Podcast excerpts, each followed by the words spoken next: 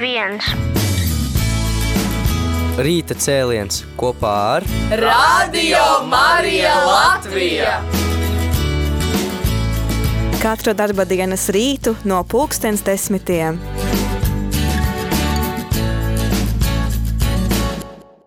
Otrā aprīlī visā pasaulē ANO ir pasludinājis par eh, Pasaules autisma izpratnes dienu, lai uzsvērtu nepieciešamību palīdzēt uzlabot to cilvēku dzīves kvalitāti, kuriem ir autisms, lai viņi varētu dzīvot pilnvērtīgu un jēgpilnu dzīvi kā neatņemamu sabiedrības sastāvdaļu. Tā kā tuvojas 2. aprīlis, tāpēc arī mēs, Radio Marija, ēterā vēlamies pievērsties vairāk šai tēmai. Un tādēļ šodien mums radio studijā eh, viesos ir Diana Mekša, daudzfunkcionālā centra solis augšu vadītāja, sociālais rehabilitātais un pastorālais konsultants. Un arī viņas kolēģe Paula Lozda, sociālo un komunikācijas prasmju grupu vadītāja. Prieks jūs šeit redzēt Diānu atkal, Paulu, laikam pirmo reizi rādījām arī studijā, vai tā? Jā, šī ir mana pirmā reize šeit. Tā kā jā. Um, un varbūt jūs varat vēlreiz pastāstīt un atgādināt, ar ko tad nodarbojas daudzfunkcionālais centrs solis augšup. Jā, mums bieži vien zvana un jautā, ko jūs centriņā darat. Un cilvēkiem ir priekšstats, ka tas ir tā, tā ir tāda vieta, kur var atnākt, atstāt bērnu uz visu dienu, un, un šeit viņš darbosies, vienkārši brīvi dzīvosies, bet diemžēl tā ir bērniem tāda kā smaga darba vieta jo viņi nāk un mācās dažādas prasmes. Tā ir uh, sociāls rehabilitācijas vieta, kur uh, viņi nāk pie dažādiem speciālistiem. Ergoterapija, notiek audiologopēdija, fizioterapija, masāža, ir arī speciālais pedagogs mums. Jā, tā ir deju kustība terapija. Tā ir tāda tiešām darba, bērniem darba vieta. Tad, kad viņu vienaudži spēlēs uh, ar saviem vienaudžiem, uh, pastaigājas un uh, nodarbojas ar to, kas patīk, tad, diemžēl, pie mums bērniņi smagi strādā. Smagi strādā. Uh, vai šis centrs ir veltīts tikai bērniem ar autisma uh, tādiem traucējumiem vai arī vispār? Nu, visiem? vairāk, jā, vairāk pie mums ir, nu, var teikt, ka 90% ir bērni ar ar spektrā. Mm -hmm.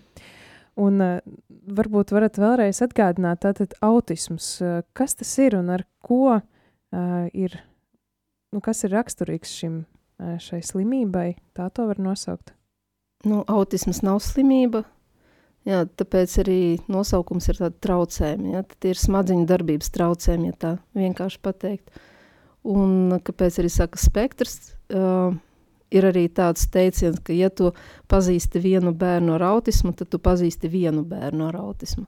Ja, jo katram, katrs pilnīgi kāds sevišķi planēta un katrs ir jāpēta, ko viņš prot, kādas viņam ir vajadzības un nav tādas arī universālas formulas, ko darīt ar šādiem bērniem. Un tāpēc arī grūtības arī pedagogiem ar viņiem strādāt un arī speciālistiem. Katrs bērns ir kā nu, jauna atvērta grāmata un tad jāiepazīst un jāpalīdz. Un, jā, tas, tas ir spektrs, tas ir katram, ja mēs paņemsim, piemēram, nu, kaut vai krāsu spektru, ja, tad katram būs tas, pa, katram būs savs krāsu salikums, kaut kur atkārtosies vienam otram, bet vienalga katram būs tās ļoti unikāls. Var teikt, ka autismas turās uz trim tādiem nejaukiem vaļiem – viens valodas un komunikācijas traucējumi, otrs sociāls miedarbības traucējumi un trešais stereotipiska uzvedība. Tad, kad ir valodas un komunikācijas traucējumi, tie mēdz būt no smagiem līdz viegliem. Tad, kad ir smagie, tad bērnam, arī pieaugušiem, nav mērķtiecīgas komunikācijas. Var nesaprast, ka valodu var izmantot kā saziņas instrumentu – ka ar valodas palīdzību var pastāstīt, var palūgt, var atteikties. Kad ir mērni traucējumi, tad mēs būtu aizkavēta valodas attīstība, varbūt arī eholālija. Eholālija tas ir tad, kad atkārto vārdus teikumus, vairākas reizes var atkārtot, bet nesaprast to nozīmi, neizmantot funkcionāli. Varbūt arī neizmantot vietā. Ja, tad nevietā pasaka kādu teikumu, jo viņš viņu zina, un vai atkal tie vārdi interesanti skan un patīk. Pie viegliem traucējumiem uh, varam minēt vājas komunikācijas prasmes. Uh, var nemācēt veidot sarunu, uzturēt sarunu. Pie sociālas miedarbības traucējumiem, tāpat no smagajiem līdz viegliem, tiem smagiem, tad varam redzēt izvairīšanos no komunikācijas, izvairīšanos no kopīgām darbībām, vēlme būt vienam pašam. Pie mērniem traucējumiem varam novērot, ka trūkst intereses, intereses būt, piemēram, klasē, intereses būt, kaut ko kopā darīt ar bērniem savā bērndārs grupiņā. Trūkst interese ar darba vietas kolēģiem aiziet kādos pasākumos kopā. Trūkst arī iniciatīva pasaukt, spēlēties, uzaicināt uz kino, piemēram. Kad ir viegli traucējumi, tad novērojam grūtības veidot un uzturēt draudzību. Tas tāds viens arī no biežiem depresijas tām pazīmēm, tādiem prieks, priekšvēstnešiem, ja, ka ja, ja vēl varbūt prot izveidot draudzību, bet uzturēt, tas tā ir ļoti tāda diezgan nopietna un tāda prasme. Jo, lai uzturētu draudzību, tev ir jāuzklausa otrs, jāpieņem otra viedoklis, ir jāprot risināt kādas domstarpības, ir jāpieņem arī otra vēlmes un intereses. Ja, ļoti, ļoti daudz tādu diezgan nopietnu prasmu ir jāiemācās. Un um, trešais būtu stereotipiska uzvedība. Visbiežāk novēro gan motorā vai vokālo stereotipiju, tad, kad vienādas kustības ir, kad vienādas uh, kaut kādas skaņas izdod. Ļoti bieži ir arī svarīgi rituāli, kurus izveido, piemēram, no rīta pamostoties, sagaida, ka mamma pateiks tieši šādus vārdus, ka uz galda stāvēs tieši šāds jogurts. Un tad, kad nav, tad parod, parādas pra, trauksme, tad ir visa diena sabojāta. Ir svarīgi ļoti arī rutīna, dienas rutīna – ir ļoti svarīgi pirms tam paziņot, pastāstīt, pirms izmaiņām, ja, sagatavot bērnu tām, jo kas ir pie rutīnas? Tas ir pierastais ceļš. Konkrēti šajā dienā eju uz šādām nodarbībām un pa konkrētu ceļu. Piemēram, um, dienas kārtība. Ja, tad es zinu, ka šodien darīšu parasti daru to un to un to. Un ja kaut kas mainās, pat līdz tādām, tādām situācijām, ka uz bērnu dārzu atnāk nevis kā pierasts mamma, bet atnāk tētis vai vecā mamma. Ja, tad var būt liela trauksme, varbūt arī agresija, raudāšana, prom skriešana, jo ir kaut kas izmainījies un bērns nebija tam sagatavots. Pie stereotipiskas uzvedības arī varam minēt arī vienveidīgas intereses, tādas šauras intereses, kad uh, savā, savā interesē ir tik stipri iedziļinājies, ka zina visu līdz sīkumiem un patīk uh, pētīt, patīk darīt, bet uh, citas intereses neinteresē. Ja, ja, piemēram, man ļoti patīk Lego robotika un uh, tad es neiešu ar citiem, nespēlēt kādas spēles, citas, ne, piemēram, uz pastaiga man neinteresēs, kaut kur braucieni man neinteresēs, kad interesē konkrēti, piemēram, jā, tie vilcieni, jā, tad visu zināšu par viņiem no sīkām detaļām, no kā ir veidoti līdz vilcienu tīk, dzelzceļa tīklam visā pasaulē. Ja, bet man neinteresēs aiziet uz kino, ja tur nav vilciena, man neinteresēs aiziet uz dzimšanas dienu pie drauga, ja tāds ir, un ja draugam ir citas intereses, un tur būs daudz bērnu, kuriem ir arī citas intereses. Un tā kā šie traucējumi, tie nav bērna niķi, tie ir smadziņu darbības traucējumi, tad viņš patstāvīgi nevar tikt ar viņiem galā. Viņam ir jāpalīdz, tāpēc arī ir terapijas, ļoti bieži izmantojama un ļoti efektīva ir analīzes, anali, uzvedības analīze un korekcija. Tad, kad iemāca bērnam konkrētas prasmes, kad māca nevēlamu uzvedību aizvietot uz sociāli pieņemamu uzvedību. Jā, piemēram, darbojoties arī socializācijas grupiņās, ir ļoti, kā jau Diana minēja, dažādi šie bērni. Un, teiksim, ir bērni, kuriem vairāk izteiktāk ir šīs komunikācijas grūtības, ir bērni, kuriem var vairāk pamanīt šīs stereotipijas. Tiešām katrs ir ļoti dažāds un unikāls, un mēs kā šo grupu vadītāji parasti mēģinam vērot, pielāgoties, saprast, kādas tieši ir šīs izpausmes konkrētajam bērnam. Vai autisms ir raksturīgs eh, tieši kādam konkrētam sociālās grupas vai kādas uh, rases vai kāda slāņa cilvēkiem, bērniem, vai tas nav no tā atkarīgs, ar ko, kuram tā kā, teiksim, parādās šie traucējumi, no kā tas vispār ir atkarīgs? Nu, tas skar jebkuru var skart ģimeni, pilnīgi jebkuru. Ne, nav tā, ka kaut kādam konkrētam slānim ir vai, vai tikai, ka rados ir jābūt tādiem bērniņiem. Nē, tas var skart tiešām jebkuru, un zinātnieki arī vēl pēta, un nav tāda gala varianti, un gala nav vēl noteikts, kāpēc tieši tas ir. Cik es esmu arī dzirdējusi, statistiski biežāk puikas tiek diagnosticēti, bet uh, laikam tagad tas lēnām sāk mainīties. Ja? Nu, meitenes arī ātrāk pielāgojas. Arī, jā, un mm -hmm. tāpēc arī jā, tā, ir, ir tāda pētījuma, ka jā, bet arī meitenes ātrāk pielāgojas, un, un tāpēc arī vēlāk arī pamana citreiz, ka meitenēm ir autisms. Un, ja, ja ir augsti funkcionējušais autisms, tad, tad pavisam, jā, tad, kad jau ir kaut kāds lielāks problēmas samilzušas, tikai tad arī atklāja. Tad, kad es apskatīju jūsu centra mājaslapu, es ievēroju, ka, ka centram ir tāds interesants logo. Tur ir zilas, zaļas, dzeltena laikam krāsa un tāds tā kā rakstīts solis augšup.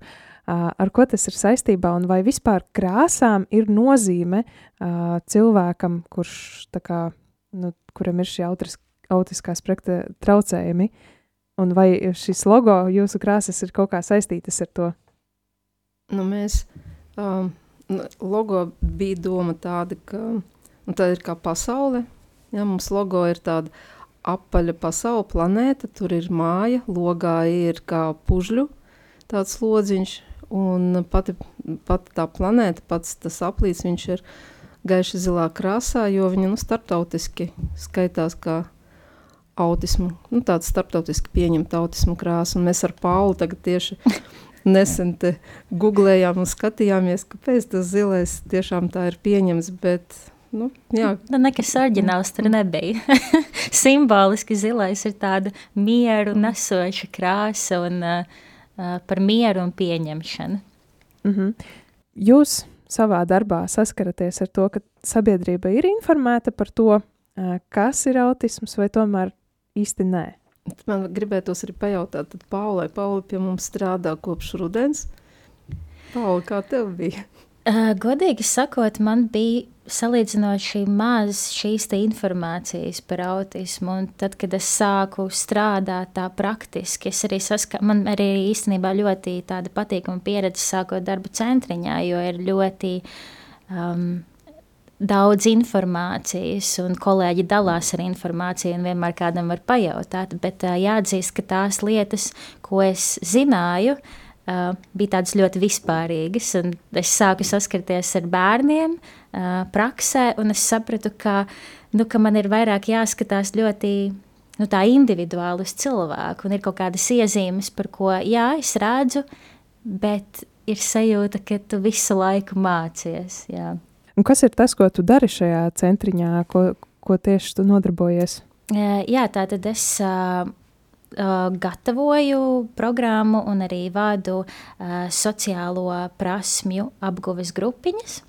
Un tātad šīs sociālās prasmes ir kaut vai no tādām, nu, mūsuprāt, primitīvām lietām, kā, piemēram, spēja sasveicināties, spēja gaidīt savu kārtu uh, sarunas laikā vai, piemēram, rindā. Uh, un tad šīs te prasmes mēs mēģinam um, mācīt bērniem caur tādu, es pat teiktu, nu, kā spēli. Mēs sākotnēji mēģinām iegūt viņu uzticību, mēģinām saprast, kas viņiem patīk, kas viņus interesē. Un tad kaut kā caur dažādiem vingrinājumiem, caur dažādām tehnikām mēģinam uh, kultivēt šo prasmju attīstību. Kas ir tas, ko tu esi priekš sevis iegūsi jau varbūt uh, kādas personīgas, nu, personīgās kā, kvalitātes vai kādas atziņas, ko tu esi sev paņēmusi jau no šī īsā laika? Nu, primāri tā noteikti ir uh, vai arvien vairāk spēja skatīties uz uh, cilvēku kā uh, individu, redzēt kaut kādas tieši šim cilvēkam specifiskas iezīmes, un, uh, un noteikti arī tāda, nu, tā kā spēja akceptēt kaut kādā ziņā šīs iezīmes, jo jo tas nu, arī, kā mēs, esam, kā mēs jau runājām, um, dažreiz, kad tu nezini, kas notiek, un uh, šiem bērniem tās izpausmes var būt ļoti spilgtas. Un pirmajā brīdī, kad tu nezini, kas notiek, ir tāda, nu, tas ir biedējoši. Vienkārši tādā cilvēcīgā līmenī šķiet, nu, es nesaprotu. un uh, arvien vairāk strādājot ar šiem bērniem, um, tas ir kā sāk kļūt, nu, normāli, ka tā ir, tu sāc pieņemt, un tad tu sāc saprast, kādā veidā ar to strādāt. Mm. Kā jūs eh, bērnus devējat, eh, jūsu skolēni, vai, vai, vai apmeklētāji, vai klienti, vai kā, kā jūs viņus uzrunājat? Mūsu bērni. Mūsu bērni. Tā kā, un, jū, un viņi jūs kā sauc? Nu, bieži vien, ka sauc vārdos, Jā, mm. bet uh, citreiz vienkārši vērst pie tevis, nu, neuzrunājot arī. Mm -hmm. Bet visbiežāk vārdos, jā. Mm -hmm. Un uh, šie bērni, kas apmeklē centriņu, ir, uh, viņi nāk no vispār izglītojošām skolām vai tieši vairāk no speciālām iestādēm? Nu, mums, pie mums ir bērniņi no 2 gadu vecuma līdz 18 gadiem. Un um, ir tādi, kas ir privātos bērnu dārzos, privātās vispār izglītojošās skolās nu, ļoti daudz tādu. Ir no speciālām skolām, no lielām skolām ir mazāk, jā, jo tas tāds nu, baiļu faktors tādiem bērniem. Mm. Tur ļoti daudz ir skaņas, ļoti daudz krāsas, ļoti daudz pieskārienu un ļoti daudz nepieņemšanas. Mm. Jā, kas tieši gribēja jautāt, kas ir tās grūtības, ar ko saskaras bērni? Uh, bērni ikdienā, varbūt nu, tādā mūsu pierastajā vidē, visā, kas mums šķiet normāls, visapkārt, eh, tad kas ir tās grūtības?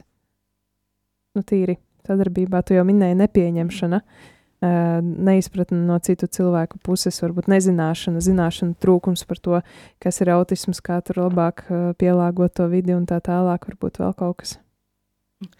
Zini, Jolanta, man ir tādi pat vecāki, kuriem ar saviem bērniem iziet spēļu laukumā tikai tad, kad ir lietus, vai tad, kad ir agrs rīts vai ļoti vēls vakars, kad parasti bērni ir mājās, nu parasti neirotipiski bērni, jo, jā, ar, no vecāku puses visbiežāk ir tā nepieņemšana no pašu mazu bērnu puses pat mazāk, bet skolā jau ir, nu, skolā ir no vienaudžiem, jo viņi ir, nu, viņi ir citādi.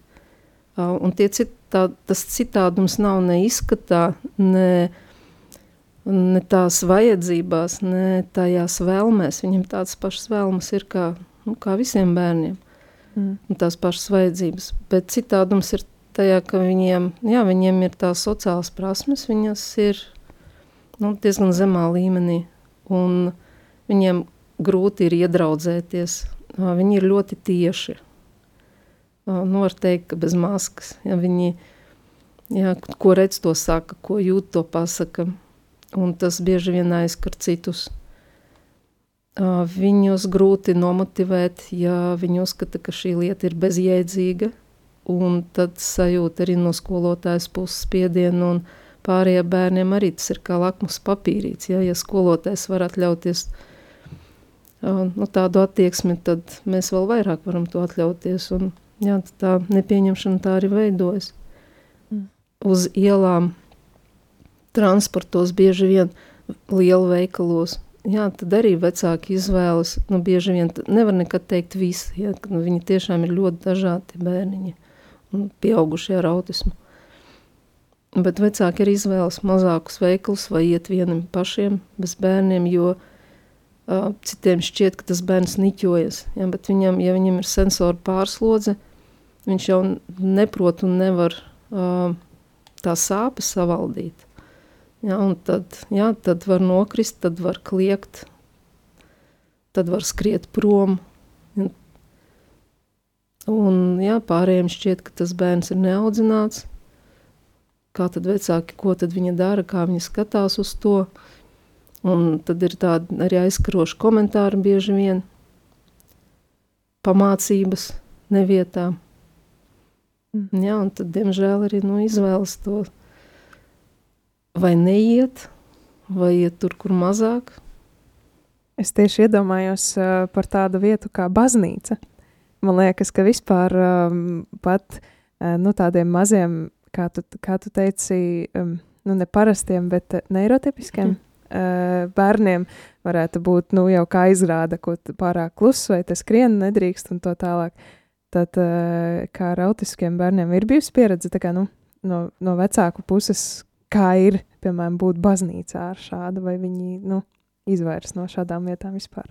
Viņi arī bieži vien izvairās. Nu, man ir pazīstami jā, kristieši, kuriem bieži vien vai aiziet viens no vecākiem uz baznīcu, vai atkal izvēlas tādas mazas lauku baznīcas, kur jau saprot, nu, kur jau pazīst drīzāk, ja, un kur ir pieņēmuši, jo arī, nu, tas ir ļoti atkarīgs no draudzes, kāda cilvēki ir draudzē. Un to, nu, tad, kad es biju, piemēram, nometnēs, nu, mēs arī no misas esam svinējuši, tad uh, Nu, tad ir bijis, nu, piemēram, Bruknā. Mums, jā, mums bija riktīgi izrādi, mums bērni gāja pie altāra kā uz skatuvi, un viņi tur labi jutās un, jā, un slavē, bet um, nu, visbiežāk, protams, ka tas traucē, jā, un, un uzskata arī kā traucekli. Visbiežāk tā ir. Mm. Bet tas arī tas ir tāpēc, ka cilvēki ir maz informēti. Nu, visbiežāk, ja, ir maz informēti. Vai atkal, ka grūti pieņemt kaut ko, ko tu nesaproti, ko tu nepazīsti. Un tev no tā ir nu, tāda tīra psiholoģiski, tev no tā ir bailes. Vai atkal tu esi pieredzis pie kaut kādām lietām, pie kaut kādas kārtības, pie, ja, pie nu, ir savas tradīcijas, ja, tad šeit nāk kāds, kurš ir nu, uzvedas citādi. Ja, un, mm. ja, tāpēc arī ir citreiz tāda attieksme. Mm -hmm. Tad noteikti mēs varētu šo pārdomāt arī mūzikas pauzē, pārdomāt, kā mēs bieži vien reaģējam uz kaut ko, kas mums nav vai saprotams, vai tāds tā kā nu, pieņemams, un varbūt, mēs varētu kļūt pieņemošāki ikdienā. Thank you.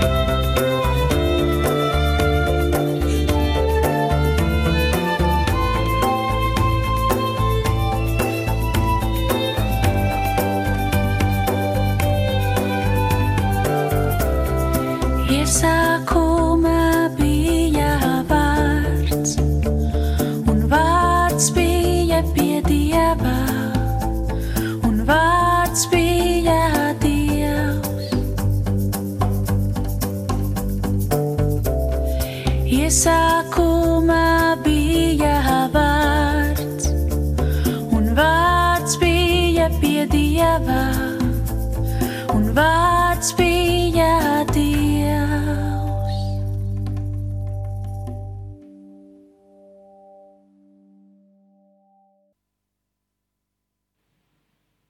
Esam atpakaļ pēc dziesmas pauzes un turpinām raidījumu, kurā runājam par autismu, jo tuvojas 2. aprīlis, kas ir pat pasaules autisma izpratnes veicināšanas diena. Un šajā brīdī esam sazvanījušies attālināti caur telefonu zvanu. Mums ir pieslēgusies kāda ā, māmiņa, ā, Indra vārdā, ā, kura mums arī nedaudz lūksim padalīties par to, kā tas ir ā, būt ģimenē, kurā aug ā, bērns, kuram ir autiskā spektra traucējumi. Sveika, Indra, vai tu mūs dzirdi? Jā, dzirdu. Uh, labdien! Uh, tas ir tāds ļoti plašs jautājums, jo, hm, kā lai to saka, katra diena ir atšķirīga. Uh, kas viņas apvieno, es teikšu tā, viņas apvieno tāds pastāvīgs izaicinājums un, un, un es teiktu tāds pastāvīgs iespringums, jo faktiski nav tāds īsti iespējas atslābt. E, jo visu laiku tā situācija mainās, un tu nezini, ko tā nākotnē tev nesīs. Un līdz ar to tev jābūt visam, uz visu gatavam. Uh, no aptuveni tā es to varētu raksturot. Mhm. Tas ir tāds, uh, jā, un es domāju, ka uh, bieži vien mēs neapzināmies sākumā, ka tas būs nevis tāds sprints, bet maratons. Jo sākotnēji šķiet, ka, ok, tagad es iespringšu, mēs sadarīsim, un tad viss būs kārtībā un labi, un tad, uh, un tad nāk nākošais pagrieziens, un nākošais pagrieziens, un tu saproti, jā, saproti, ka tas spēks jāsadala uz ļoti ilgu laiku periodu. Uh, Cik ilgus, cik gadus jau tev, tavā ģimenē ir bērns ar autiskā spektra traucējumiem? Nu, manam dēlam decembrī palika 16 gadi, tā ka tas ir tāds nozīmīgs laikposms. Mm -hmm. Bet kā vispār, kā tu uzņēmi un kā tu uzzināji uh, par šo te um, ziņu, ka tev būs nu, autiskā spektra bērns, un uh, kā tu jūties, kad tu uzzināji šo ziņu? Uh, jā, līdz diagnozē mēs arī nenokļuvām tā ļoti ātri un veikli, un faktiski cilvēki, tie bija cilvēki no malas, kas kaut ko minēja uh, un, un ieteicās. Un es domāju, ka šobrīd varbūt uh, tā diagnostika ir gājusi uz priekšu un, un, un teiksim, ir daudz labāk informēti arī uh, ģimenes ārsti un, un bērnu ārsti, un es ceru, ka arī neirologi. Uh, Bet savulaik, kad es norādīju kaut kādām īpatnībām, tad, tad tās, tās tika um, nu, norakstītas uz kaut kādiem citiem, uh, citiem, citiem aspektiem, kas varētu būt saistībā. Bet, bet uh, līdz diagnozē nonācām piecu gadu vecumā. Uh, tas nebija viegli un vienkārši, un nebija arī faktiski daudz tās informācijas, kas būtu pieejamas. Līdz ar to es teikšu tā, tad man, man ir divas augstākās izglītības, un tad tad es sāku strādāt pie savas trešās, kur, kurai gan nav oficiāla diploma. Bet faktiski tad sākās tie informācijas meklējumi, kur, uh, varētu teikt, vairāk gadu garumā uh, ļoti rūpīgi meklēju variantus un ko cilvēki par to saka un, un kāds raksta augstums un ko var darīt un tā tālāk. Un tad sākās vienkārši tāds uh, pamatīgs darbs, jā, nu, ko, ko tur var teikt, uh, nu, es savā ziņā laikam esmu tāds cīnītājs, un es saprotu, ka nevar tā kā īsti palaisties, jo, jo cilvēks ir, tas cilvēks ir ļoti atkarīgs no tevis, tas, ko mēs viņā ieguldīsim, izdarīsim, un, mm -hmm. jā, un man visu laiku ir bijis tā dzīve tāda, ka tu jūti, ka tas pulkstens tikšķi, un tas, tas ir bijis tas lielākais spiediens, tāds laiks spiediens, jā, kas faktiski pēc tam arī ir apstiprinājies, ka jo ātrāk tu sāc un jo vairāk izdari, tad, kad bērns mazs, jo, jo, jo uh, efektīvāk tas, uh, tas rezultāts ir. Uh mhm. -huh. Bet, uh, jā, neskatoties uz visu, es domāju, mēs esam ļoti daudz ko izdarījuši. Un, un, un, un faktiski uh, ar laiku arī aptver un saproti, ka ir uh, prieks par to, kāda ir šī attīstība. Un, un tad tu atklāji arī šos slēptos plānus, kas varbūt no sākuma nav manām. Um, Tā kā dzīve ir izaicinājuma pilna, bet viņi nav arī bez saviem prieka momentiem. Mm -hmm. Un kas tad ir ties, tie priecīgie mirkļi, kas ir kopā tie? Priecīgie mirkļi ir tad, kad tu uh, saproti, ka var, un ka tas, ko tu dari, tas varbūt nepazūd vienā lielā melnā caurumā, bet tam ir rezultāts un uh, ir atkal kaut kāds jauns spējas, kaut kāds jauns prasmes, ko, ko uh, cilvēks iemācās un kas viņu virz pretim Uh, nu, kas ir tāds mammas sapnis neatkarīgai dzīvei. Jo mēs jau vienkārši gribam, lai mūsu bērni būtu laimīgi un būtu neatkarīgi no citiem. Indra, tu vari padalīties piemēram ar Aleksandra talantiem, kā tev šķiet, kādi tie ir? Uh, jā, nu, par lielu pārsteigumu man uh, bērns, kurš, teiksim, varbūt vēl sāk runāt un, nu, teiksim, bērnībā arī neizrādīja nekādu vēlmi kaut ko uh, uh, dziedāt vai, vai, nu, teiksim, kā mēs zinām, maz bērns tur dažādas skaņas dod. E, pienāca tas brīdis, kad uh, man lielā atklāsme bija, ka viņam ir muzikālā dzirde, ka viņam ir fantastiska uh, ritma izjūta, un kad cilvēks uh, sāka apgūt šo lauciņu, kas ir mūzika. Nu, un tagad jau uh, trenējas spēlēt bungas, kas viņam gan labi padodas. Nu, tā ka tas, tas priekš mums bija tāda liela atklāsme. Otrs, otra tāda talanta sfēra tās valodas. Uh, valodas, jo faktiski viņš runā četrās valodās, e, kā mēs nesen noskaidrojam, tātad ir oficiāli iekļaujams poliglots sarakstā, atšķirībā no savas māmas, kur pārvalda tikai trīs valodas.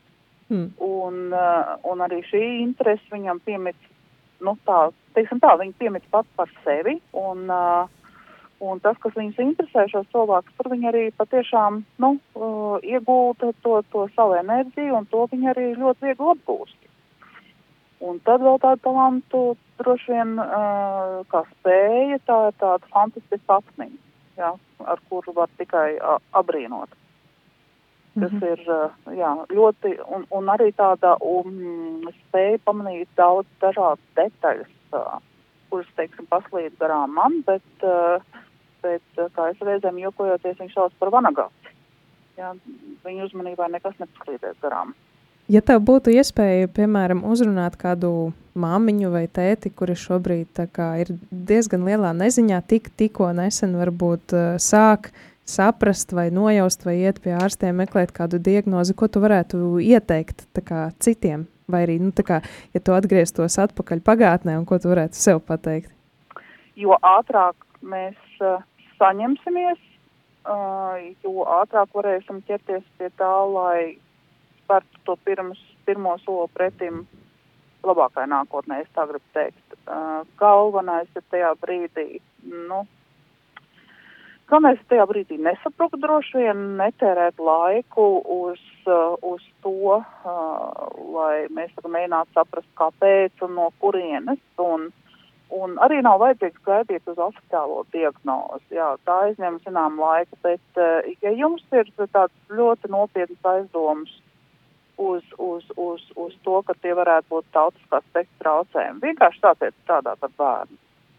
Un, un, un ir svarīgi ņemt vērā teiksim, to, ka ir šai pieejai varbūt jābūt nedaudz atšķirīgai, ir jā, jāieklausās, jāieskatās, nu, jā, jālasa arī literatūra, var, var vienkārši kādā vecāku formā aprunāties, uzzināt kaut kādas daudz labas lietas uh, ir, ir, ir pietiekoši daudz informācijas arī pieejams, kas ir tās raksturīgās lietas, un kādā veidā viņiem uh, šādu veidu bērniem var labāk palīdzēt. Bet uh, katrs no viņiem patiešām ir ļoti individuāls.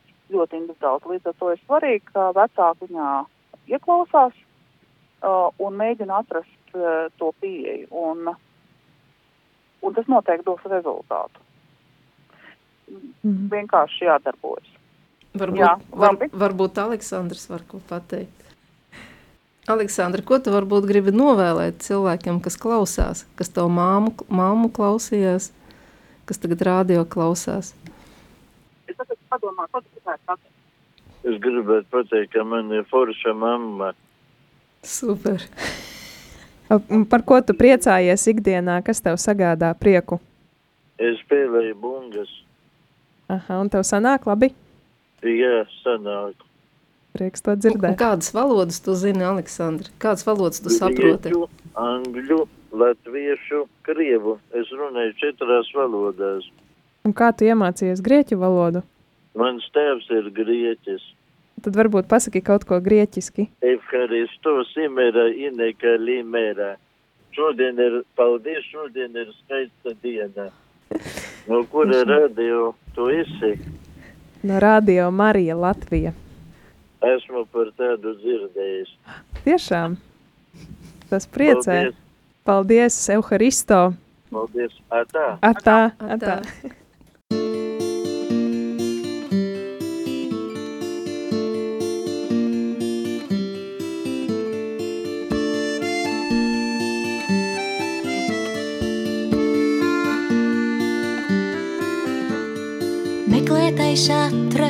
nepazūd, ja sirdī dārgs.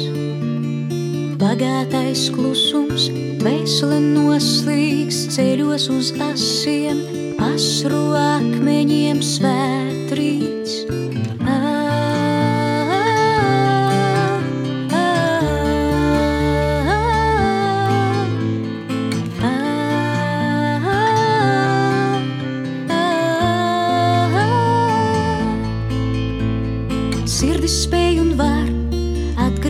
Atgriezties tur, kur tās grib.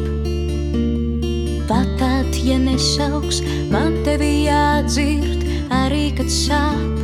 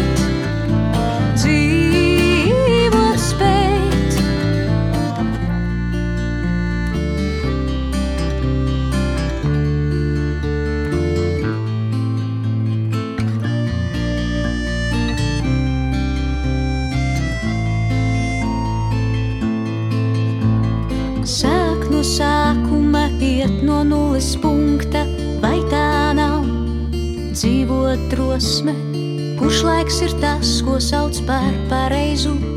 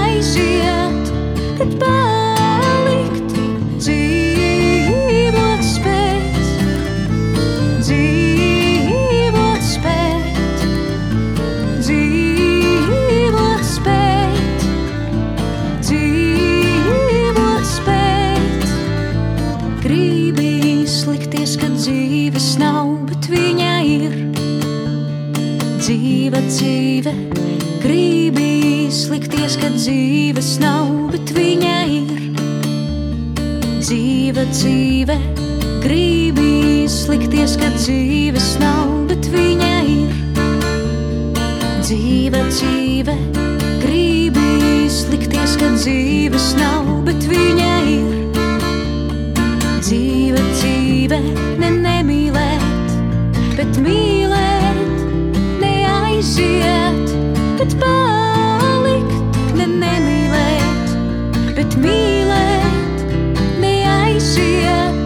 neaiziet, bet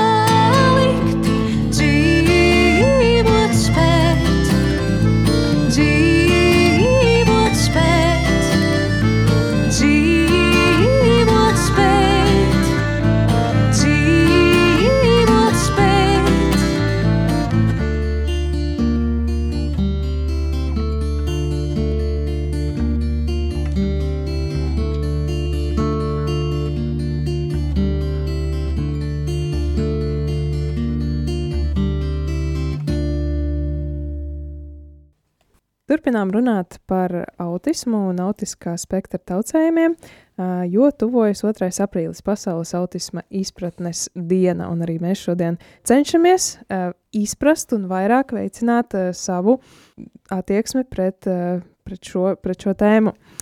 Lūk, un jautāšu atkal mūsu studijas viešņām Paulai un Diānai par to, kā tad mēs, cilvēki, nu, varbūt tad, teiksim, no malas vai arī uh, nu, kaut kur sabiedrībā, kā sabiedrības daļa vai kā baznīcas daļa, vai vienalga, kā mēs varam atbalstīt un kādu atbalstu sniegt uh, šiem uh, cilvēkiem, kuri, kuriem pašiem ir autiskā spektra traucējumi, vai kuri, kuriem ģimenē kāds bērns vai, vai nu, jā, ir ģimenes loceklis, kurš ar to saskarās.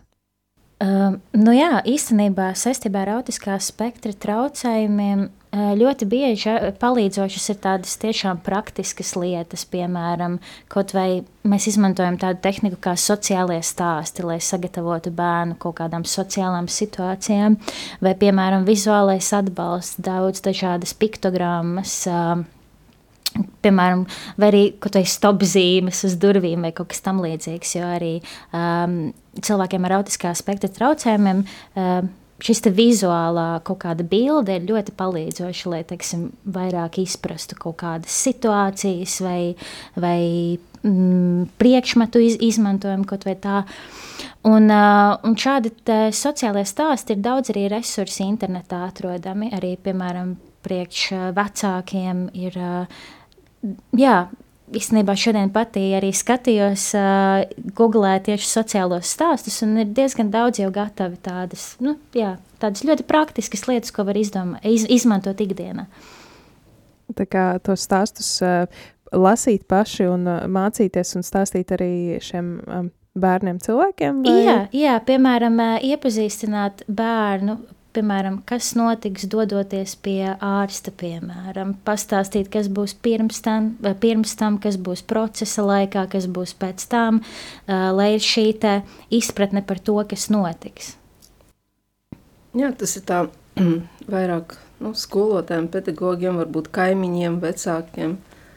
Jā, jau uz ielas satiekam un, jā, un redzam, ka mamma ir grūti varbūt savaldīt bērnu, bērna bailes, bērna trauksmi vai dusmas, tad nepārmest, tas ir pats pirmais, nestāvēt, neskatīties ar zinkārību vai, tādu, vai pārmetumu vai neapmierinātību. Var pajautāt, kā es varu līdzēt, varbūt tādas elementāras lietas, kā izsaukt taksi vai paturēt somu. Tas arī kā, nu, var palīdzēt. Mhm. Uh, ja redzam, ka bērnam, piemēram, ir nu, cilvēki, ja nav pieaugušiem, ir sensora pārslodze, piemēram, ja ir ļoti skaļš vai veikalā uh, uznāk arī tāda trauksme un sensora pārslodze no tā, ka ir daudz cilvēku vai nezinu, kā pajautāt pārdevēju, nav projekta, produkta ierasta, ierastā vietā, tad, uh, jā, tad arī nestāvēt, nepārmest, daudz nerunāt, var vienkāršiem vārdiem, vienkāršotā valodā pajautāt, vajag palīdzību. Jā, jo lielākoties man šķiet tā pirmā tāda doma līdz cilvēkiem no malas ir, ka, piemēram, ja bērnam ir kaut kādas spilgtas tādas uh, uzvedības izpausmes, kad, nu, tad, tur nezinu, vai ir audzināšana, neaudzināts, neaudzināts, piemēram, jā, mm -hmm. tāda standarta lieta, bet uh, patiesībā mēs jau nezinām, kas tur notiek. Varbūt šim bērnam ir traucējumi, tā kā Diana min, tā pati sensorā stimulācija ir par daudz, varbūt viņam vienkārši vajag pamest to telpu, aiziet kaut kur pasēdēt maliņā. Jā. Mm -hmm nepieņemt eh, ļaunāko, teiksim tā. Mhm. Vēl tāds jautājums, te, ko nedarīt? Uh, piemēram, ko neteikt uh, savam nezinu, draugam, kuram ir uh, bērns šāds ģimenē, vai ko, ko nereaģēt? Pieņemt bērnu, ka viņš ir bērns. Pirmām kārtām pieņemt uh, cilvēku, personu, nevis diagnozi. Un izturēties kā pret kā pret bērnu, vai kā pret pusaudzi, vai kā pret līdzvērtīgu pieaugušo. Tas būtu pats svarīgākais. Mhm. Man pieredze arī ir uh, pieaugušie ar autismu un jaunieši ar autismu, un viņi bieži vien ļoti priecājas, ja viņi var būt noderīgi. Ja viņi var kādam kaut ko darīt, izdarīt, uh, nu, tādu kā pienesamu sabiedrībai, ka es varu būt derīgs. Mm -hmm vai es varu būt līdzvērtīgs kā citi. Es gribu būt līdzvērtīgs. Un tas arī būtu darba vietās, ja ir šādi kolēģi, tad arī nu, izturēties pirmām kārtām kā pret kolēģi, kā pret personu. Mm. Nevis pe, pret diagnozi, nevis pret īpatnībām, neuzsvert to, bet uzsvert cilvēku, ieraudzīt tās labās lietas. Un kāpēc arī domā, ka ir niķi maziem bērniem, nu, arī lielākiem? Jo nu, vizuāli šie bērniņi izskatās nu, tādi paši kā neirotipiski bērniņi. Viņi arī ir bērni, viņi vienkārši bērni, viņi ir cilvēki, līdzcilvēki mūsu. Pats galvenais ir tā arī uztvert viņus. Tā ir, tas ir vislielākais atbalsts arī vecākiem pieņemt. Mums uh, biedrībā ir kustība, jauniešu kustība pagalms – Un viņi rīko dažādus pasākumus, novatnes bērniem. Ar, nu, nu, ne tikai ar autismu, arī, arī ar citādi bērniņu nāk, bet uh, pats galvenais, ko arī vecāki saka, par ko paldies, tas ir par to, ka nu, paldies, ka jūs ar viņiem esat kā ar bērniem. Un, un viņi tādi arī ir. Arī pēc 18 gadiem nu, šie cilvēki dzīvo un ir starp mums. Uh, Eh, kas notiek eh, pēc 18 gadiem, kad, kad šis bērns vairs nav bērns, kad viņš ir tāds jauns pieaugušais, kur, kur nokļūst eh, cilvēki, vai viņi var strādāt, iekļauties sabiedrībā, vai šobrīd tas tā nav īpaši iespējams? Nu, tas spektrs ir tik plašs. Ir tādi, kuri var strādāt, kuri var strādāt pat labāk nekā mēs citās jomās – ir tādi, kuri nekad nevarēs strādāt un kuriem vajadzēs visu laiku pastāvīgu atbalstu. Un 18 gadi tas ir tas sāpīgais slieksnis vecākiem. Tas ir tāds lielais jautājums, ko darīt, kur mācīsies, kur paliks, kad manis nebūs. Tas ir diezgan sāpīgs jautājums. Un, jā, mums pakalpojumi Latvijā tikai attīstās. Nav tā, ka visi var saņemt, un, un arī nav tās nu, informācijas tādas, ka te uzreiz iedot informācijas to bloku, un tad tu redzi, kā tu pa solīšiem vedīsi savu bērnu uz to pilngadību, un ko pēc tam viņš darīs pēc pilngadības. Diemžēl tas ir ļoti sāpīgs jautājums. Mēs patreiz arī nu, cenšamies uh, centriņā attīstīt to pakalpojumu pēctecību. Domājam arī, ko mēs varēsim piedāvāt pusauģiem, ko mēs varēsim piedāvāt jauniešiem, ko mēs varēsim piedāvāt tad, kad viņi jau būs pieauguši. Vai ir vēl kāds veids, kā mēs varam atbalstīt, piemēram, solis augšup centra darbību, kā cilvēki, varbūt jaunieši, tie paši var palīdzēt nometnēs, vai arī jums ir kaut kāda informācijas materiāli, ko mēs varam, ar kuriem padalīties, vai kaut kā finansiāli, vai kas ir tas atbalsts, ko jūs sagaidāt no sabiedrības, no klausītājiem, no cilvēkiem apkārt? Nu, ja mums ir tā kustība pagalms, jauniešu kustība, brīvprātīga kustība pagalms. Mums nāk arī pieaugušie nometnēs, arī pieaugušie palīdzēt, ne tikai jaunieši. Jā, jūs varat Facebookā atrast uh, divas lapas. Viena daudzfunkcionālais centrs solis augšu, tur ir gan citreiz mēs arī kādus aicinājumus publicējam, un arī jauniešu kustība pagalms arī Facebook un Instagram. Tad tur arī ir gan aicinājumi, gan arī tāds atskats uz kaut kādiem, uz kādām aktivitātēm. Tas, kas ir par nu, brīvprātīgo darbu. Nu, patreiz mēs arī tāds liels sapnis, kuru gribam īstenot, atvērt grupu māju un dienas centru un arī tādu jaunu pakalpojumu nu, tieši nu, priekš mums ir jauna, un uh, Latvija arī inovatīvu. Uh, tāda ir, um, gribam uh, pamēģināt aprobēt tādu patstāvības veicināšanas un uh, talantu atklāšanas, spēju atklāšanas uh, programmu uh, jauniešiem ar autisko spektru, lai palīdzētu viņiem saprast, ko viņi var darīt pēc tam, pēc saviem 16, 18, ar ko var nodarboties, kādu profesiju apgūt un arī uh, palīdzēt viņiem iesākt mācības, iesākt darbu, palīdzēt kolektīvam, komandai, kurā viņi ienāks, lai arī zinātu, saprastu, kā komunicēt, kā iekļaut šos cilvēkus savā komandā, savā komandā nu, darbā. Un, jā, un priekš tam mēs arī tagad meklējam ziedotājus, kuri varētu palīdzēt mums atpirkt vienu īpašumu, jā, kuru, kurš ļoti labi, nu, kurš ļoti labi der šādiem pakalpojumiem. Tad būtu viss vienā vietā, vienā, var teikt, trīs vienā. Mhm. Jā, tad, ja kādam ir iespēja sīkāku informāciju labprāt arī padalītos un iedot. Jā. Nu, noslēgumā raidījumam gribētu jau laikam, jautāt jums abām, ko jūs vēlētos novēlēt gan klausītājiem, kas dzird šo raidījumu, gan arī. Jā, varbūt gribētu novēlēt, pamanīt vienam otru un pamēģināt arī jā, šajā autisma mēnesī, aprīlī, ieraudzīt savus līdzcilvēkus un varbūt arī apskatīties uz saviem pašiem līdzcilvēkiem, gan ģimenē, gan kaimiņos.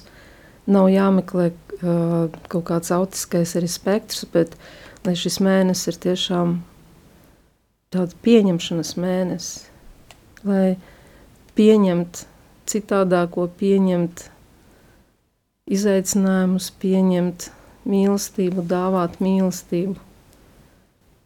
Uh, manuprāt, tas uh, svarīgākais būtu mēģināt pieņemt to, ka mēs esam ļoti dažādi, un tas ir ārkārtīgi skaisti, jo lielāka dažādība, jo vairāk mēs varam mācīties viens no otra. Jā. Nu, ko, paldies jums, un tad lai arī Dievs jums palīdz jūsu svētīgajā darbā, ko jūs darat ikdienas kopā, kopā savā komandā, jā, lai Dievs svētī jūsu centru un visu jūsu ikdienu. Paldies, ka atnācāt šodien! Paldies! Paldies. Lai laba diena! 3, 2, 1. Rīta cēliens kopā ar Radio Marija Latvija! Katru darba dienas rītu no pulkstens desmitiem.